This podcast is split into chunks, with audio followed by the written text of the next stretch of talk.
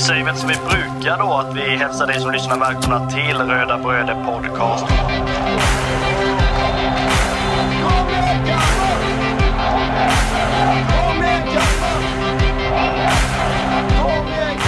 Vi är ju tre bröder som eh, driver en podcast som heter Röda Bröder Podcast. Eh, det är jag, Kristoffer Karlström, och det är min lillebror Marcus och min andra lillebror Andreas. Podcasten handlar bara om Kalmar FF.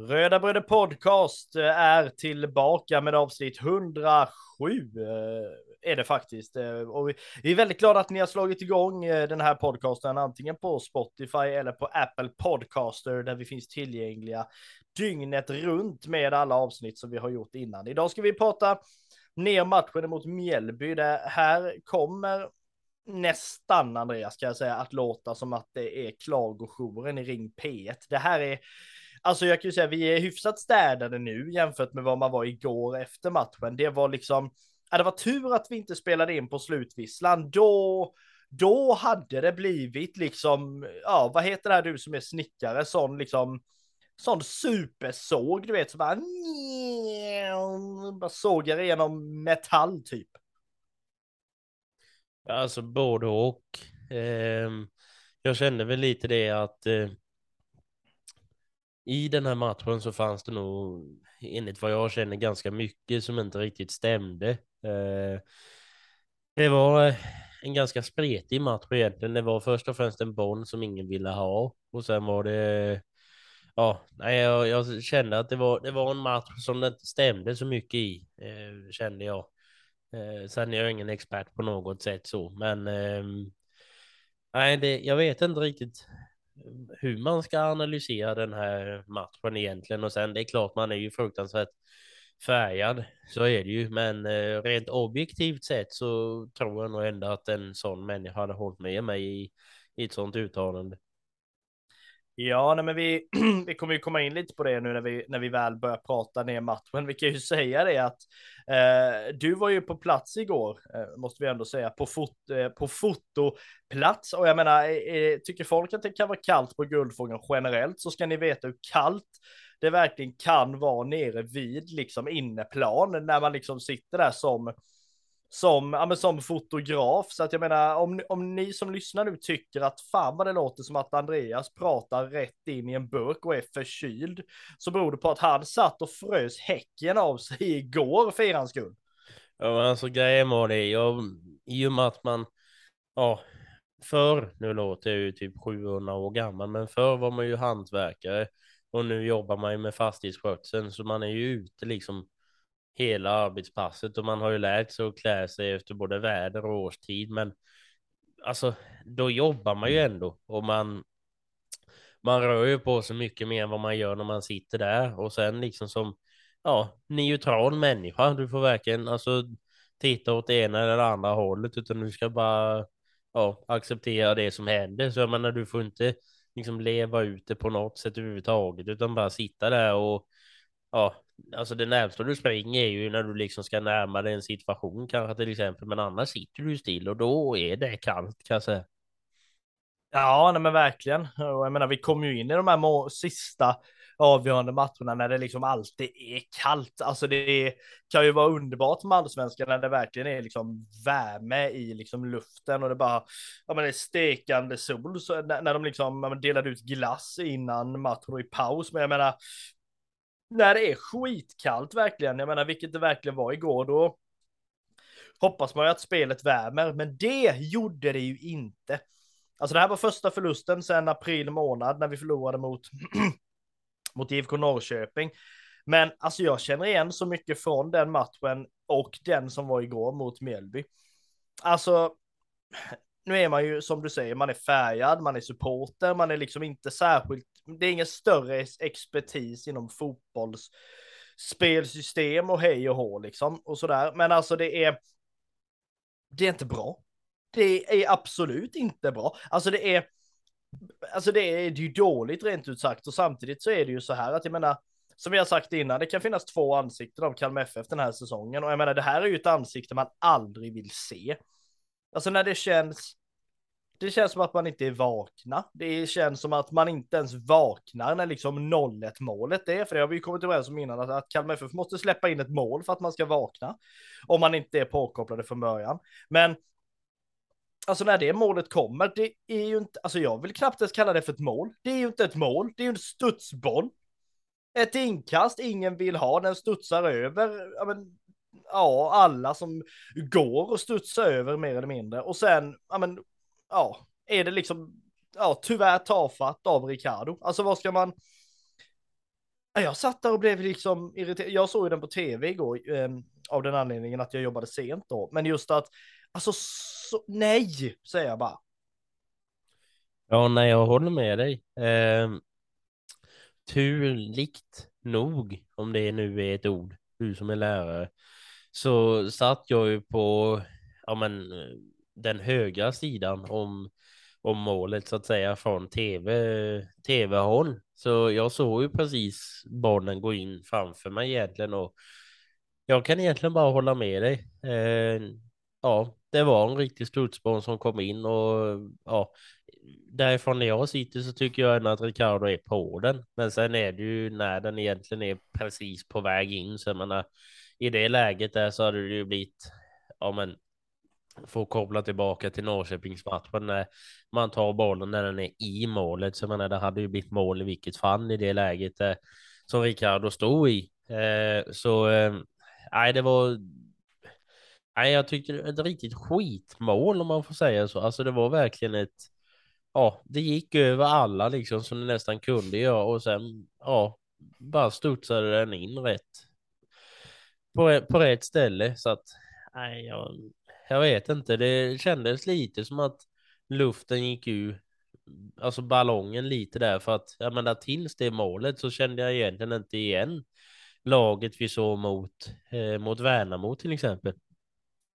Nej, alltså det är ju, det är ju fullständigt, alltså det, det är ju två sidor, måste vi ju ändå säga, alltså de två matcherna.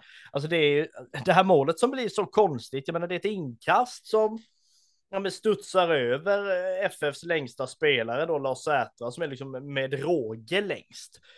Eh, och sen liksom är det två spelare som ja, inte kan bestämma sig för vem av dem som ska ta bollen och bara tittar och bollen går över och sen står då alltså Jakob Bergström där då, den spelaren i Mjällby som de älskar mest av allt och som vi inte älskar överhuvudtaget. Liksom, eh, att han ska få nicka in den och sen är det ju så när man, man boxar in bollen liksom stolpe in och sådär. Och jag menar det är klart att fan ska Ricardo göra då? Och han förväntar väl sig att någon av, någon av de 700 spelarna ska liksom nicka bort den innan eller i alla fall få bort den. Men det är väldigt eh, sådär. Nej.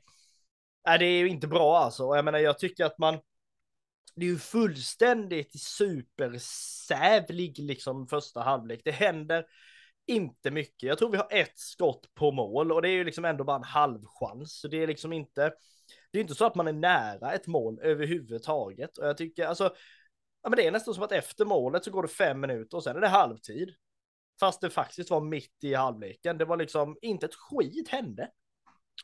Nej, det var en väldigt tråkig halvlek om man så får säga, för precis som du säger, det hände inte så mycket. Eh, Alltså, jag känner väl lite det att ja, men bollen börjar från målvakten som skjuter iväg den till halvplan. Sen ungefär är det dit man kommer, för då ska man försöka liksom ge varann konstiga passningar och ja, jag, det kändes inte riktigt som att man var liksom samspelade i denna matchen och det var precis som för jag var ju inte ensam på matchen utan vår eh, andra fotograf eh, Lovisa var ju där också och då pratade vi om det här i i halvtid också att precis som jag sa innan att det var ungefär som två lag som stod spelare. Det var, vi kände inte igen eh, Kalmar FF under den här matchen och det, det kändes verkligen inte som att de hade ja, men, vaknat till ordentligt förrän liksom i eh, halvtid sen när de här målchanserna faktiskt började trilla in en, en efter en.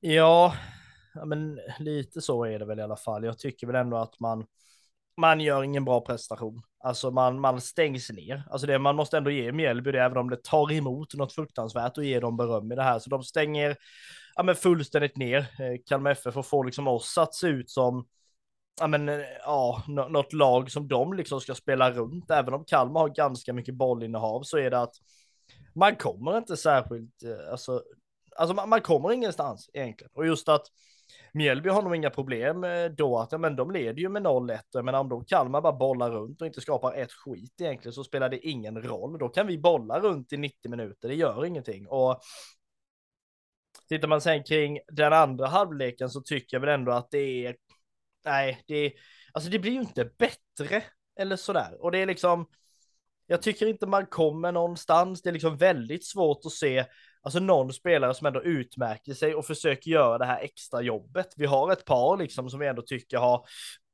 ja, men synts på något sätt som vi liksom kommer, kommer till senare. Men nej, jag vet inte. Man gick nästan bara och väntade på, eller väntade. Man, jag satt i princip egentligen och tänkte att det här kommer inte bli något mål. Vi kommer inte vinna den här matchen.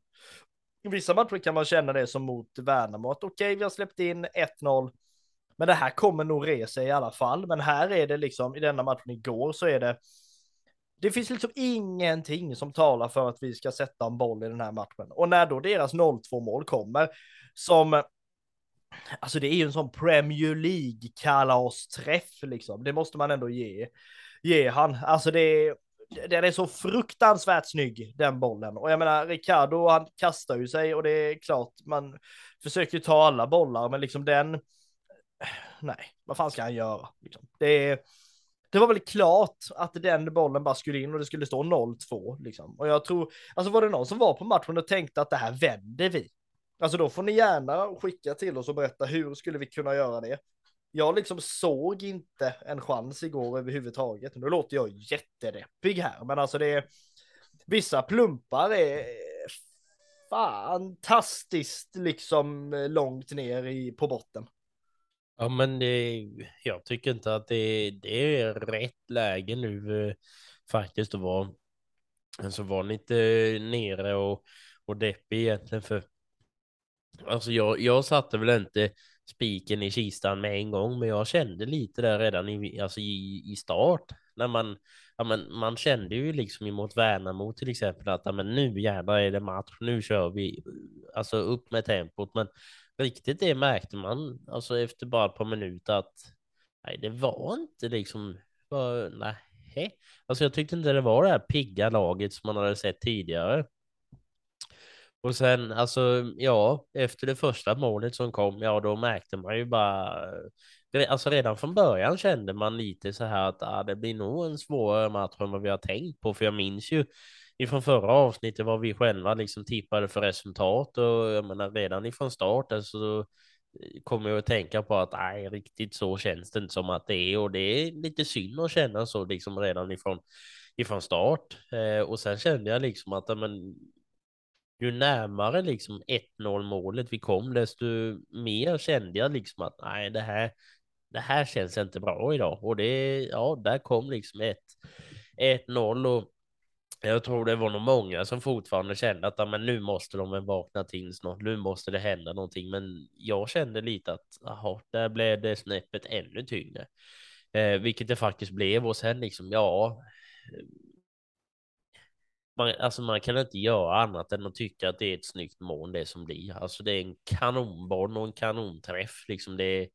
ja, och alltså hade Ricardo tagit den så hade det varit en kanonräddning också. Men ja, ah, det. Ja, nej, det, man kan nästan bara ge dem det. Alltså det, det var riktigt snyggt var det.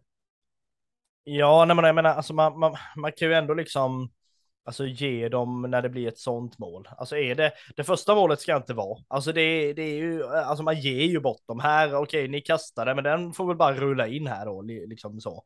Men jag menar den andra kan man ändå köpa då, jag menar det, det är ju ett kanonskott verkligen och sen Sen är det så retfullt på något sätt. Nu slutar ju matchen 1-2 för att Papadiouf går in och gör mål i liksom 96 minuten. Men alltså det är också så här alltså ett mål är alltid ett mål. Det kan ju bli målskillnadshistorier och allt möjligt sånt här längre fram. Men alltså, jag är nästan uppgiven. Alltså när man väl sitter där 96 och så gör man mål. Man bara, ja nu jävlar ja.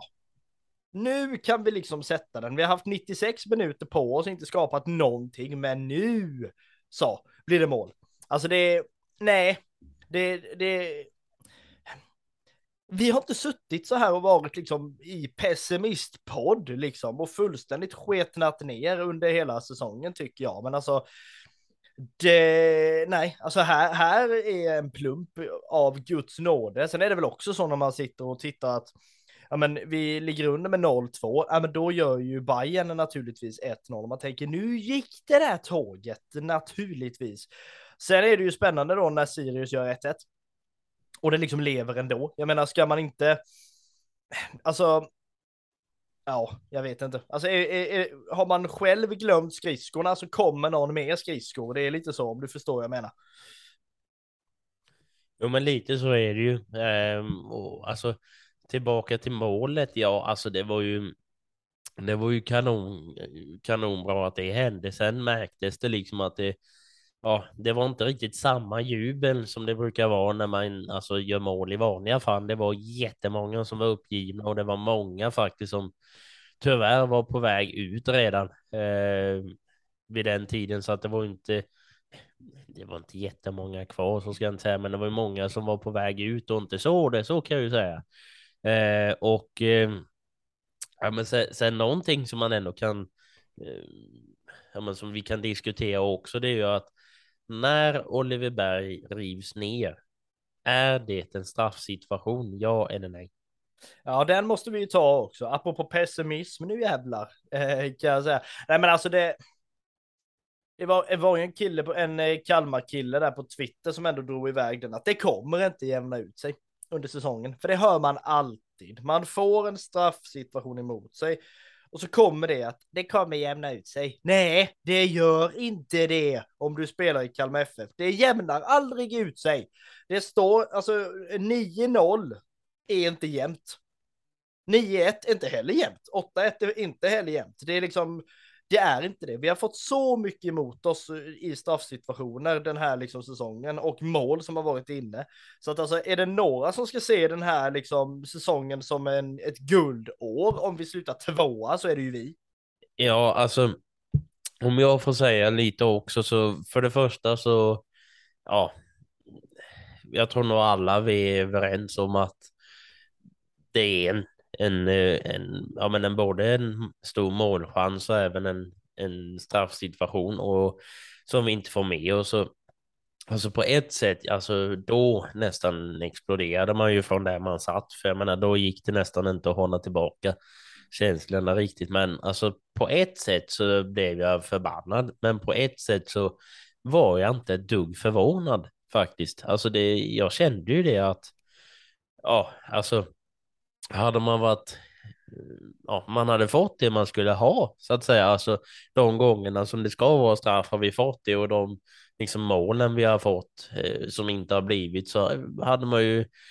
Ja, då hade man ju blivit vansinnig och det blev man ju nu också. Men samtidigt så bara, men ja, det är ju liksom som alla nästan är, är överens om nu att för det första så jämnar det inte ut sig eh, som vi var inne på. För det andra så är det liksom alltid någonting som ska jäklas. Det är, ja, alltså toppen av berget var ju Norrköping, men alltså många gånger nu så har det hänt saker och ting som när, när liksom når vi toppen av, av det liksom så? Eh, och liksom när ska det vända? För jag menar, då måste man ju nästan, ska det vända nu så ska vi ju få liksom jättemycket saker med oss, men det, och jag förstår liksom det. Det är klart att man är ju liksom ganska färgad i det också, att liksom om någon kan peta och våran spelare lägger sig lite för, alltså för löst. Ja, det är klart att man liksom i och med att man håller på det laget så är det ju den man ja, man vill ju få det med sig där med. Sen förstår man ändå och är lite mer överens med sig själv att ja, men sportsligt sett så är det ingenting. Men det här, jag vet inte hur mycket man än vänder och vrider på det här så kommer man aldrig dit att nej, det skulle inte varit en straffsituation så det skulle vara bra och roligt att veta vad, vad liksom domarna tänkte när de inte liksom blåste straff och sen, jag menar, Oliver Berg som ja, men jag, jag, tycker är en av liksom en väldigt snäll och genuin människa och även i sitt spel så liksom när han sitter helt liksom, ja, uppgiven och liksom bara nej, det blev ingen straff. Då ser man liksom att Alltså till och med då får man det bekräftat ännu mer att men det här är liksom en, en, en ren snuvning på liksom ett, ett domslut vi ska ha med oss. Ja, men det är ju som att plocka en godispåse från en unge liksom. Det är ju väldigt alltså så att det ser ju extremt misstänkt ut och jag menar de som står på ja, men, sydostkurvan, nu ska man väl säga så att de är ju en, alltså de är ju extremt röda där, liksom extremt färgade i de situationerna. Det är som sig bör, eh, måste jag ändå säga, men alltså jag vet inte, man kan inte säga så här typ att, men, man brukar ju säga det här hellre liksom fria än fälla då, att jag menar är du osäker, blås inte. Men här får du ju till och med en reaktion att liksom nej, det är ingen straff och då menar jag, man brukar säga det att men är det frispark ute på plan så bör det ju vara straff i straffområdet och ja, sen vet jag att det är liksom ett par pinnhål upp där innan de liksom blåser straff, för det är mycket lättare att blåsa frispark ute. Men alltså här ska det väl inte spela någon roll när man liksom blir ja men eh, totalt liksom nerkörd med, med liksom två spelare. Men det var, det var en sån typ av match. Man kände det att vi kommer förmodligen inte göra mål i den här matchen. Vi kommer definitivt inte få straff och nej, det fick vi inte. Liksom, det var väldigt så här, det var eh, matchen om alltings jävlighet, verkligen att det här kommer inte bli. Liksom. Vi kan lika gärna bara gå ut i 70 det ge bollen till Al-Hakim och säga så spelar ni nu tre mot tre vid ett mål här vid en hörnflagga. Vi, vi, vi skiter i detta nu, kommer inte gå idag. Liksom. Eh, nej, så skit rätt igenom kan jag ju säga. Det här var inte roligt eh, överhuvudtaget. Men även fast det så måste vi väl ändå rikta ett par ljuspunkter ändå. Eh, tifot och hyllningen av Erik Israelsson. Det är ju värdigt, måste vi säga. Väldigt snyggt av eh, tifogruppen att eh, dra in liksom Kalmar FF-emblemet, men också Lindsdals emblem. Blev väl du extra glad som bor i Lindsdal? Ja, där blev man nästan lite hemmakär, lite faktiskt. Eh, och nej, alltså, nu vet inte jag hur mycket den här hyllningen syntes på tvn, men eh, och vara där eh, och ja, höra mm, det liksom ja, ledningen sa, ordföranden sa, Marcus sa eh, och framförallt vad Erik sa. Det var fantastiskt fint och han är ju en väldigt, ja, men en väldigt fin människa och har varit liksom en, eh, en väldigt bra spelare som tyvärr då har drabbats av mycket skador och i det fallet också, ja, vad ska han göra? Liksom det, han blir nästan tvingad av att lägga av. Eh, vilket gör det också väldigt tråkigt att man på grund av skador liksom ska få ge upp det man, det man älskar. Eh, och jag menar, ja, han börjar väl bli lite till åren, men jag vet inte hur gammal han är, men så gammal är han ju egentligen inte. Och tittar man liksom bara på flera spelare ute i världen så är de ju de liksom betydligt äldre än vad han är och fortfarande spelar. Eh, så, nej, men det var en väldigt fin eh, hyllning till honom och all liksom hyllning ska han ha tycker jag. Ja, men det tycker jag med. Och som du säger, han är ju liksom inte mer än 33. Alltså det finns ju de som verkligen spelar mycket längre. Eh, sen är det vissa då som när de är 33 kanske borde lägga av. Och sen är det ju vissa som lägger av när de är 35 och inte alls borde lägga av. Eh, eller sådär. Men en jätte, jätteskopa med beröm till de som skötte det tifot igår. De kan sina saker, det ska gudarna veta. Eh, några andra som förhoppningsvis kan sina saker är ju du och jag nu när vi ska gå igenom matchens tre stjärnor från skitmatchen mot Mjällby helt enkelt.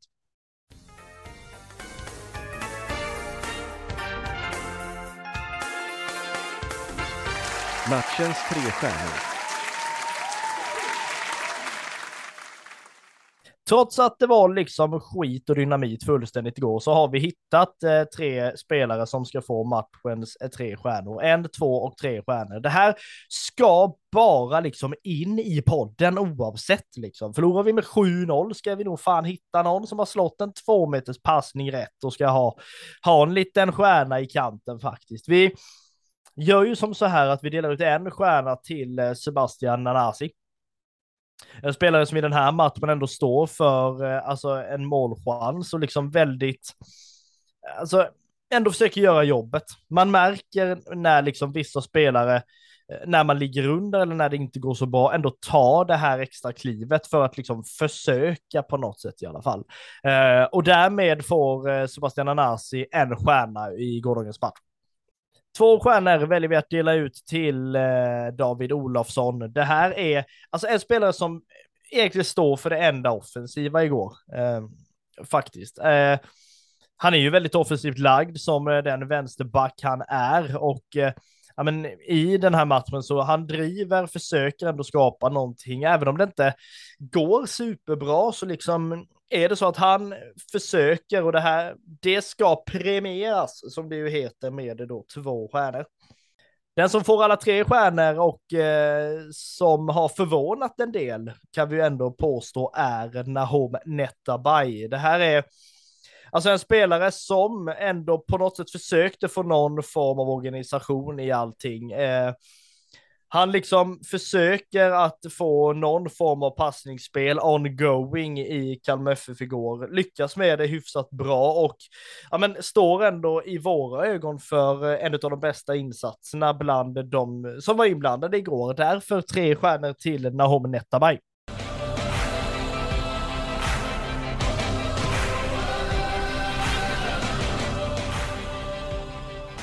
Vi går över till matchens frågetecken då eh, från eh, matchen igår mot eh, Mjällby. Där är det ju så att Andreas, du har en fundering efter den här matchen också. En fundering som jag tror väldigt många känner igen sig i. Ja, alltså.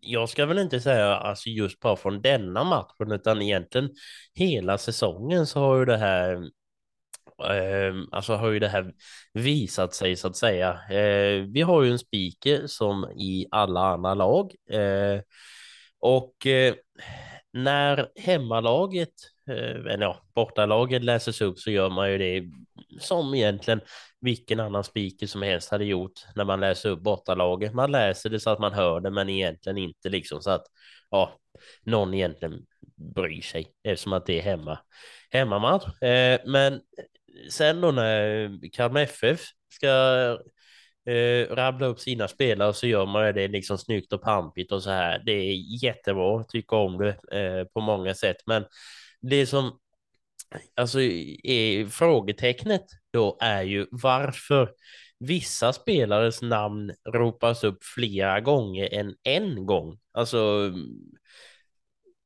ja, om vi tar Nahom Netabay till exempel så så skriker man ju egentligen, eller vi tar David Olofsson till exempel, så skriker man ju, Dav, eh, spiken skriker ju David och eh, publiken då efternamnet. Men i det här fallet då, och framförallt i de matcherna jag har gått och hört det här och funderat på, till exempel då Nahom eh, Netabay så skriker man det tre gånger och vissa spelare skriker man två. Liksom, ja, alltså jag hade nästan köpt det med om till exempel, ja, hur eller hur ska man inte göra så ändå, men om vi säger att vi hade haft Gudetti i laget eller någon liksom storspelare, Lewandowski eller liksom, ja, jag hoppas ni förstår vad jag menar. Att man liksom, här har vi liksom lagets stjärna liksom som, ja, förtjänar liksom att bli upp, uppsagd, höll jag på att säga, men alltså man, man, man får upp det liksom flera gånger, men här är det liksom vissa spelare som man kanske egentligen inte känner utmärker sig liksom så mycket som att, ja men varför liksom läses ju just hans namn upp liksom tre gånger och Ricardos ett till exempel som har hållit nollan liksom jättemånga gånger men fortfarande bara få namnet liksom sagt en gång. Så min fråga eh, och frågetecken till den här matchen egentligen, eller överlag denna säsongen är varför spiken läser upp vissa spelares namn flera gånger än en gång. Ja, man kan ju verkligen fundera över det där och du är ju inte själv eh, med det överhuvudtaget. Vi måste ju säga att vår speaker gör ett jättejobb och har ju gjort under flera år, men alltså jag måste hålla med om det där. Det blir väldigt konstigt. Jag menar, om du liksom skriker namnen flera gånger. Köper absolut att du gör det när det blir mål. Det har ju blivit någon tradition i liksom de flesta lagen att man gör det. Men Nej, jag håller med dig och jag menar vad fan tänker spelarna då? Att liksom, jaha, nu ropades han upp tre, sen ropas jag upp en eller vad någonting. Jag menar, nu kanske de skiter fullständigt i det, men det blir ju ändå någonting mentalt i det. Sen borde man väl kanske förstå det när liksom meningen är att du ska ropa upp spelarna, de ska liksom vinka till publiken, men när du liksom har hunnit halva startelvan så är de liksom igång och nästan singlar slanten där, liksom. Det tar för lång tid och jag kan tycka att någonting som jag ändå tycker om, jag har sett en del matcher på andra arenor också, inte bara med Kalmar FF, för jag älskar att liksom fotbollsturista generellt. Eh, eller sådär, för det, det är liksom väldigt roligt eh, att titta på fotboll, även om man inte håller på något av lagen. Eh, men till exempel, liksom, jag var uppe på Tele2 i somras. Där hör du inte bortalaget. Där är det liksom så unisont busvisslande så fort som bortalagets eh, eh, ja, men startelva ropas upp och liksom spiken skiter i det. Han rabblar igenom det som om ingen bryr sig liksom och sen är det ett jävla liv när de ropar upp hemmalaget. Likadant på Gamla Ullevi. Där är det också, de har, jag tror de har två speakers till och med. En kille som liksom bara mumlar igenom bortalaget. För som du säger, folk skiter fullständigt i det ändå. Eh, och sen blir det liksom tio gånger högre när hemmalaget ropar liksom. Eller så, när man ropar den starten. Så att jag håller med dig helt och hållet i det där liksom. Gör det liksom bättre. Alltså det är ett jättebra jobb generellt sett, men alltså gör det antingen att ropa upp alla allas namn tre gånger då. Eller att du liksom bara låter det vara en gång. Alltså det blir, ja, konsekvenstänk. Eller var konsekvent, eller vad fan säger man? Ja, och sen alltså, jag ska nog få knyta ihop det här frågetecknet så kan man ju ställa sig frågan lite för att jag missunnar inte de spelarna som får sitt namn liksom sagt flera gånger än en eh, alls. Alltså på något sätt, alltså det, de förtjänar ju det eh, såklart, men jag tror nog att flera hade nog köpt resonemanget till exempel om det är någon alltså, som har liksom utmärkt sig på det sättet. Vi har någon som ja, men leder skytteligan, hela allsvenskan i vårt lag. Det är någon som han liksom stänker in tre mål varje match. Det är liksom Ramon Ricardo håller liksom nollan en hel säsong liksom och nu är vi i slutet. Det är liksom sådana saker som jag tror och liksom i så fall typ nu, alltså denna tiden av säsongen som där ska komma, men liksom att ja, han liksom har bestämt sig att de här namnen liksom eh, ska vi säga tre gånger och varför? Nej, jag vet inte, men vi gör det bara. Det är lite så det känns. Och sen jag missunnar till exempel då, nu har vi pekat ut han lite, men när hon Nettaberg som får sitt namn liksom sagt flera gånger, jag missunnar inte han det, men i så fall skulle det bara vara lite att man liksom publiken ska veta liksom vad är det som liksom utmärker han så pass mycket till exempel. Så att men vi får hoppas vi får svar på på de här frågorna vi har, för jag vet ett frågetecken som jag ställde angående spelarbussen fick ju faktiskt lite spridning, Marcus. Ja, den fick ju det. Det är ju folk som lyssnar på oss, även om vi inte tror det när vi sitter här och bara egentligen tror att vi har någon form av eh, broderterapi här, så är det ändå folk som faktiskt tar sig tid att lyssna. Det är ju väldigt roligt. Det är ehm, fruktansvärt kul. Visst är det så. Eh, absolut. Men jag håller ändå med dig där och det här är någonting ni, man får diskutera vidare. Hör gärna av er med åsikter. Vad känner ni kring det här frågetecknet? Varför ropar man liksom flera spelares namn flera gånger, men vissa namn ropar man bara ett par gånger? Det är någonting att fundera på.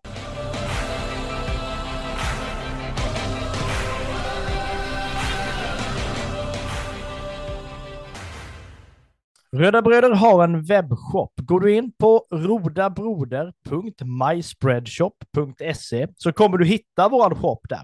Eller så går du in på Google och så söker du på Röda Bröder shop. Vi har ganska många motiv. Nu efter förra avsnittet så kom det ut ett helt nytt motiv där vi har valt att hylla faktiskt eh, Smålandslejonet med texten Smålands röda lejon både uppe och nere. Vi har valt att lägga ut dem i två olika varianter, en med lite vuxnare typsnitt och en där typsnittet är lite mer riktat till barn. Eh, när Kristoffer fick se det typsnittet när jag hade designat det först så sa han, är det någon i F-klass som har skrivit detta? Eh, och därav tänkte vi att det här blir ju kanon som barnkollektion. Ehm, så bland annat har vi det. Vi har också ett eh, Smålands Röda Lejon-motiv, där vi ändå har ett lejonansikte på. Bland annat så finns de två där och de känns uppskattade redan eh, med tanke på att det ramlar in beställningar lite här och var eh, på de här nya motiven. Så att gå jättegärna in och kolla vad som kan passa dig i Röda Brödes shop.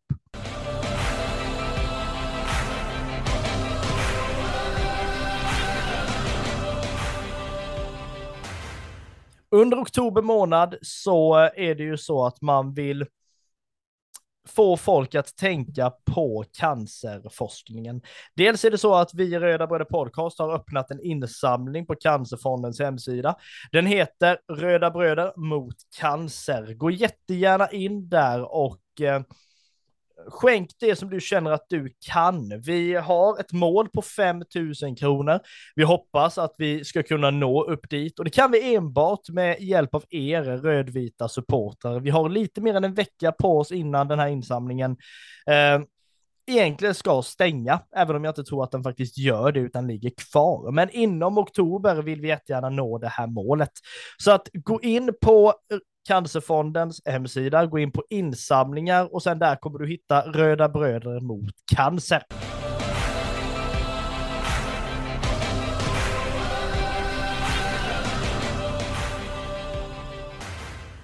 Om vi nu ska göra så att vi ska skita fullständigt i den här eh, matchen som var igår, så är det ju så att eh, nästkommande match är ju borta mot Sirius, som det inte vore nog så är det så här att man trodde att Sirius var utcheckade fullständigt. De har ju skit att spela för, tyvärr. De ligger nämligen på en tolfte plats och är fem poäng från kvalet. Alltså de slåss ju i den i det träsket där vi var för ett antal år sedan. Så att de kommer ju gå för vinst fullständigt och eh, Kalmar kommer ju göra likadant. Här är ju liksom inte Europaspel lätt kört, men David Bäckström där, deras tränare, har väl en, eh, han har förmodligen ett par S i den berömda rockärmen hemma på nya studenternas.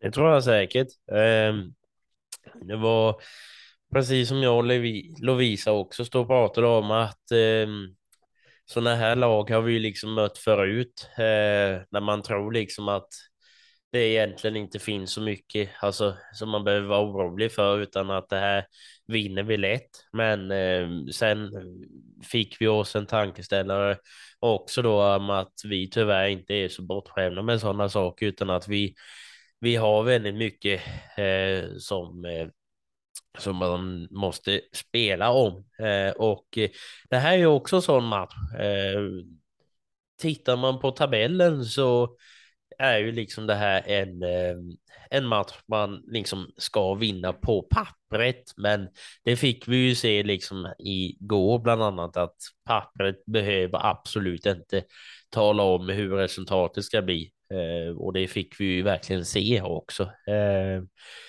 och Tittar man då på deras form eh, på de tre senaste matcherna så är det oavgjord vinst oavgjord och Två av de senaste då så var det ju 0-0 mot Degerfors, 2-0 mot Norrköping och 1-1 emot Hammarby. Så att de har ju en ganska alltså, säker trend egentligen för att jag menar på, på de här matcherna så har de ju i alla fall fått med sig poäng.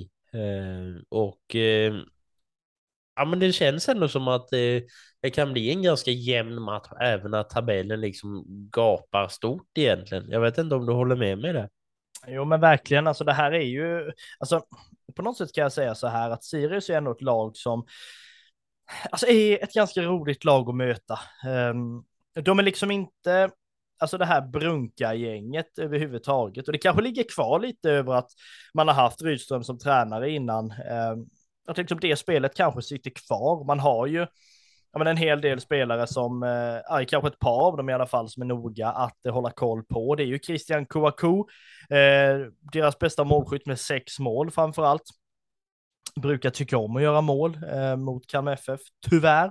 Eh, sen har man ju en spelare som faktiskt har räddat dem gång på gång. Eh, och det är ju Tommy Vaiho, deras målvakt. Eh, han var ju en gång en väldigt stor spelare i Djurgården innan flytten gick till Uppsala, gjorde det väldigt bra där. Fick väl vara andre keeper ganska många år. Eh, också innan eh, flytten då gick till Sirius. Eh, räddade ju verkligen poäng senast på Tele2 Arena mot Hammarby som du säger. Eh, och är ju, var ju en stor bidragande orsak till att eh, ja, men det blev 1-1 i den matchen eh, och att Hammarby inte gick segrande ur, ur den fighten. Sen är det ju så supportermässigt är väl Kalmar och Sirius ganska så lika i fanbase storleksmässigt och så vidare. Det här är ändå ett lag som har fått, alltså med tanke på sin nya upprustade arena så alltså har de ändå Alltså de har vuxit. Nu vet jag inte alls om de har vuxit i antal, så, så pass påläst är jag inte om Sirius supporterkultur, men det här är liksom en, supportarna syns både visuellt, de hörs och det är liksom ändå, det känns som att det är väldigt likt. Det där kan jag få skit för sen, men det, det är liksom en, en, en spåning här, eh, kan jag säga nu. Men ändå ett väldigt roligt lag att möta. Det här kommer ju inte bli lätt, som vi sa. Kalmar slåss om Europaspel, Sirius vill undvika kval, Ehm, som man ju alltid vill. Så det här kommer ju inte bli lätt eh, överhuvudtaget. Och det är ju viktigt med eh, stödet där uppe. Vi vet att vi har mycket supportar i Stockholmstrakten. Eh, så vi förväntar oss åka upp naturligtvis. Sen vet vi att det åker folk från Kalmar för att stötta eh, laget land och rike runt som det heter. Men eh, alltså vad, vad, vad tror liksom du, vad, vad har du för känsla kring matchen mot Sirius? Eh, ja, men den mest talande känslan just nu är ju att det kommer bli väldigt, väldigt jämnt eh, denna matchen också eftersom att de då har så mycket att, ja, men att, att kriga för eh, och att de vill ju såklart eh, komma liksom desto större kliv ifrån eh, kvalet som möjligt. Eh, desto bättre är det ju för dem eh, och jag tror väl att alltså de kommer göra allt för att få med sig liksom tre poäng, men jag tror även att de ser sig ganska nöjda med eh, åtminstone en oavgjord match. Eh, men jag känner väl det att jag tror att det kommer bli en jämn match eftersom att tabellen talar inte så mycket till mig längre eftersom att vi nu såg hur, ja, men hur, det, hur det såg ut i denna matchen. Eh, så jag tror det kommer bli en jämn match för vi har två lag som har mycket liksom som, och, som de vill kriga för. Så jag tror det kommer bli en jättejämn match. Eh, men samtidigt så hoppas man ju på en trepoängare med sig, med sig till Kalmar igen. Ja, men man hoppas ju verkligen det. Men lätt kommer det ju inte bli. Ska vi ge oss på en tippning i denna matchen så måste man väl ändå påstå att eh, några 3-1 lär man ju inte få med sig. Eh, motbevisa mig gärna, men jag tror faktiskt inte det. Här tror jag väl att eh, man ska vara glad eh, om man eh, faktiskt lyckas få med sig ett eh, 1-1 resultat. Ehm, det hade varit så mycket skönare om vi bara hade spelat mot något lag som liksom ja, men fullständigt är på semester redan nu. För, alltså typ, ja, fan vet jag, Elfsborg eller någonting hade varit roligt att möta just för att det spelar överhuvudtaget ingen roll. Blåvitt som också är liksom totalt utcheckade också. Det hade inte gjort någonting. Um, så att liksom, ja, men 1-1 borde man väl ändå kunna få med sig i den här matchen, om man nu ska vara realist i det här fallet. Ja, alltså och tittar man eh, senast eh, lagen möttes så blev det ju faktiskt 1-1 i juli eh, mellan Kalmar FF och Sirius. Så att eh, ja, men jag känner väl också lite där att en eh, åtminstone ett poängare måste vi väl ändå kunna skaka med oss. Även att vi ligger ganska, ganska bra till så vill man ju klättra högre såklart. Men eh, en, ett, en enpoängare är minimum med sig. Ja, vi kan väl också få ett sånt här skitmål eh, som nu då Mjällby fick. Eh, det kan vi väl ändå vara lite värda någon gång. Om det nu ska jämna ut sig så fruktansvärt mycket eh, som alla påstår att det gör. Eh, men det här, det här kommer bli intressant och pratar vi startelva så måste vi väl ändå påstå att den eh, Alltså det, det var inget fel på startelvan i förra matchen, det, det, ska man liksom inte påstå så, men jag känner väl samtidigt att när man inte har Romario inne från start så blir det alltid någon, det blir alltid ett annat eh, typ av spel. Det är inte någon spelare som vrider och vänder och liksom är väldigt bolltrygg på det sättet. Nu säger jag inte att de andra sjabblar med bollen hela tiden, det säger jag inte, men jag menar att det är ett lugn som försvinner när Romario inte är från start. Men så är det ju. Eh, där har vi ju erfarenheten själv nästan. Vi, ja, men det, det är väldigt, eh, ja, men en, en fruktansvärt trygg spelare och eh, ja, men det är precis som du säger, man känner ju ett, ett riktigt lugn eh, när han är inne så att eh, ska de göra någon form av eh, förändring så känner jag nog att eh, plocka in Romario från start.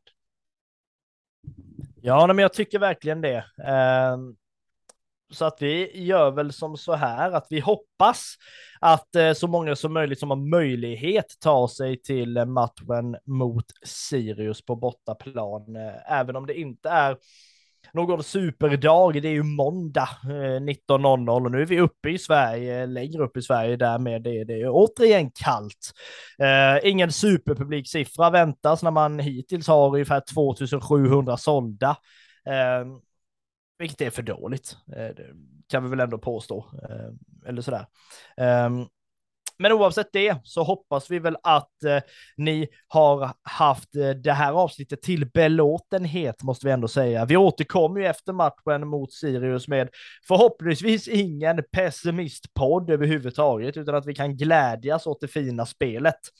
Eh, och förhoppningsvis en vinst. Så vi känner väl oss så vi känner väl som så här att vi, jag, Marcus och Andreas, tackar dig som har lyssnat. Vi är Röda Bröder Podcast, en supporterpodd om Smålands stolthet.